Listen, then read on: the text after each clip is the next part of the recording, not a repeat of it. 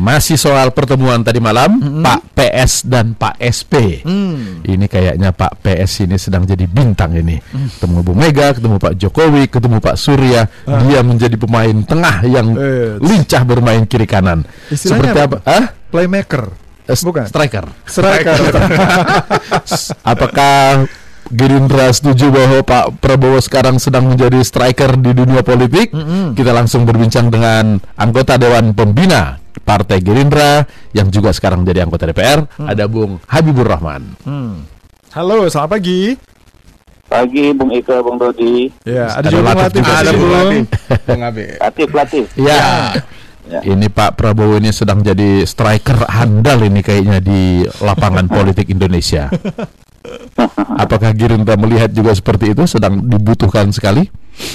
Mbak, saya pikir sih ini lebih dari persoalan personal beliau. ya. Karena kita tahu bangsa ini saat ini kita banyak persoalan-persoalan penting dan genting, Mm-mm. eh, persoalan kebangsaan ya, yang seperti tiba-tiba terjadi, tapi mungkin berupa apa akumulasi dari berbagai persoalan sebelumnya, puluhan-puluhan tahun sebelumnya. Contoh kasus Papua ya, Nah, kita mungkin sebulan yang lalu nggak terbayang di Papua bisa seperti ini kan ada kejadian di Wamena di beberapa tempat. Kemudian juga soal eh, penolakan masyarakat sipil terhadap eh, produk beberapa produk perundang-undangan, ya kan? Berujung pada unjuk rasa, bahkan eh, ada korban dan lain sebagainya.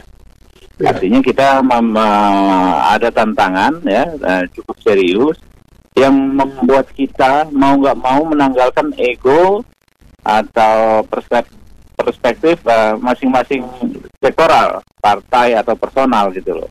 Kita harus ngomong soal bangsa saat ini, apalagi ini event atau momentumnya adalah eh, ada pelantikan presiden ya kan Hmm. eh, minggu depan, sehingga kita harus apa sih eh, sebagai bangsa ya yang sama-sama bisa kita lakukan. Jangan sampai gini pak, kita kedepankan ego masing-masing menang kalah. Oh saya kemarin kalah, ya kan?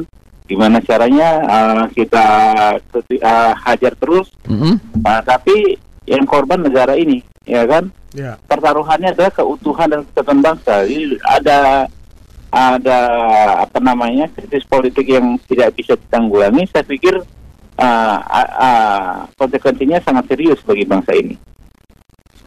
Ya, Bang Habib, eh, kalau seandainya banyak yang memaknai pertemuan itu tidak lebih kepada apa namanya eh, menekankan kebangsaan, tapi lebih banyak kepada koalisi, bagaimana Gerindra menanggapinya? Ya, saya pikir uh, terserah saja ya orang berpendapat apa namanya berpersepsi ber- uh, seperti itu ya punya persepsi seperti itu.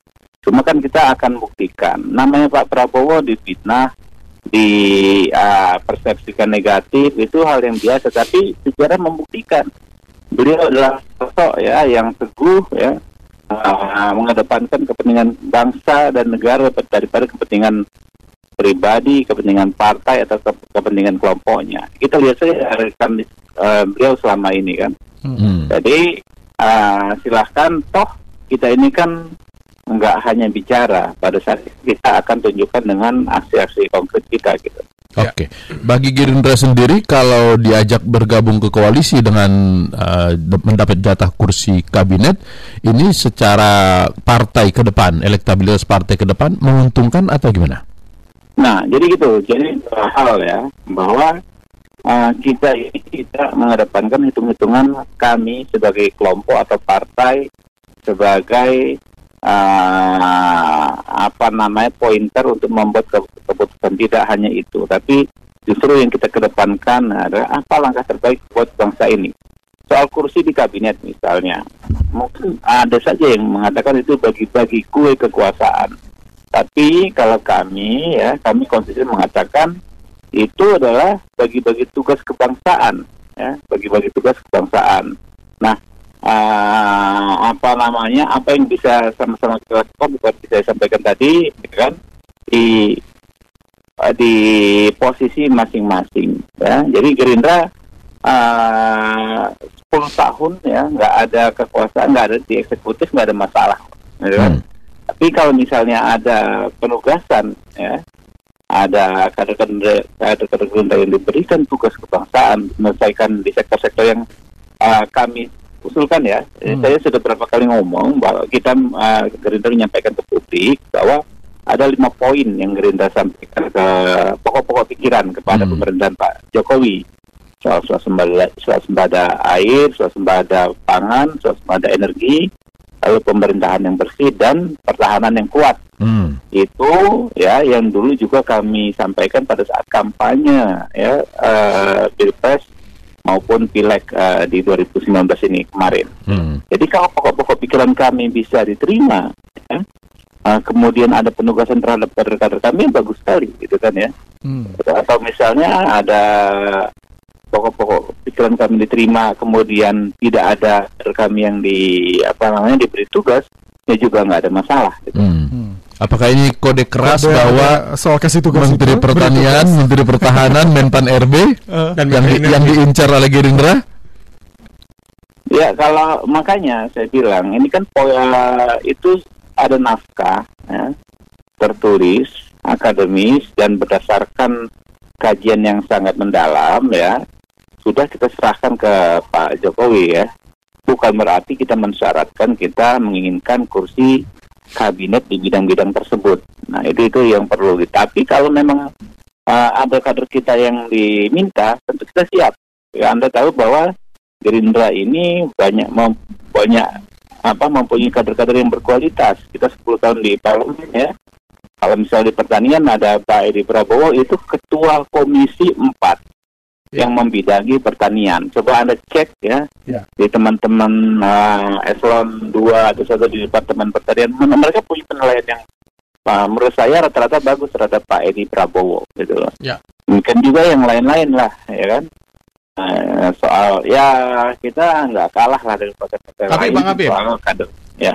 Ya, tapi gini, eh, saya melihatnya 10 tahun se- sebagai oposisi Mhm. itu Ya. Gerindra sangat memperoleh eh, elektoral yang cukup bagus. Hmm. Kalau seandainya nanti akan bergabung, bukannya Ke depannya akan ke depannya akan bisa berubah.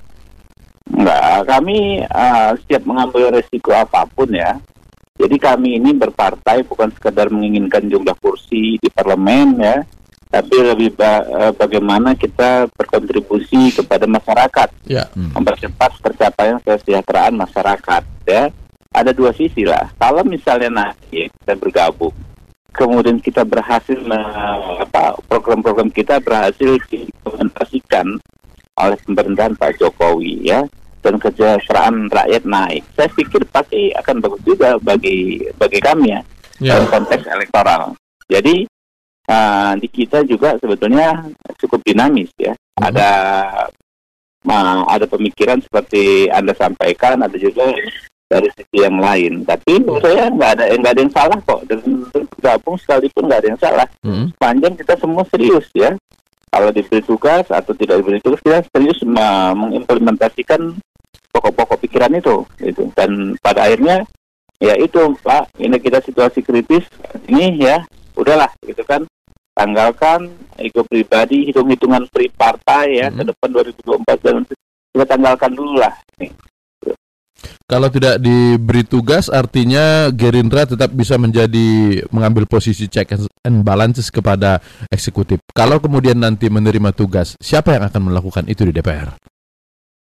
ya saya kita belum ini ya resminya akan dibahas pada tanggal 17 besok Hmm. kita ada rakernas di Hambalang ya Uh, persiapannya sejak tanggal 16 kemudian uh, puncaknya di tanggal 17 nah situ mungkin uh, apa namanya uh, akan jelas ya Hmm. tapi memang kalau stok ya stok kader ya siapa anda bilang siapa kita banyak lah ya di satu posisi tidak bisa ada dua tiga nominasi bahkan Oke, jadi masih menunggu di pekan Hasil. ini Ya, tanggal, tanggal 17 ya. Baiklah. Ya, siap. Bang Habib, terima Oke. kasih sudah bergabung pagi ini ya. siap, Bung. Oke, Bung. selamat pagi. Selamat pagi. Itu Habibur Rahman, anggota dan pembina Gerindra dan juga anggota DPR yang baru ya Bung ya. ya. Nanti akan ada apa? Rakernas. Arakarnas Gerindra Partai. Gerindra tanggal 17 Oktober. Oke, Di baiklah. Ya mau kasih komen langsung di sini di 0812 triple 1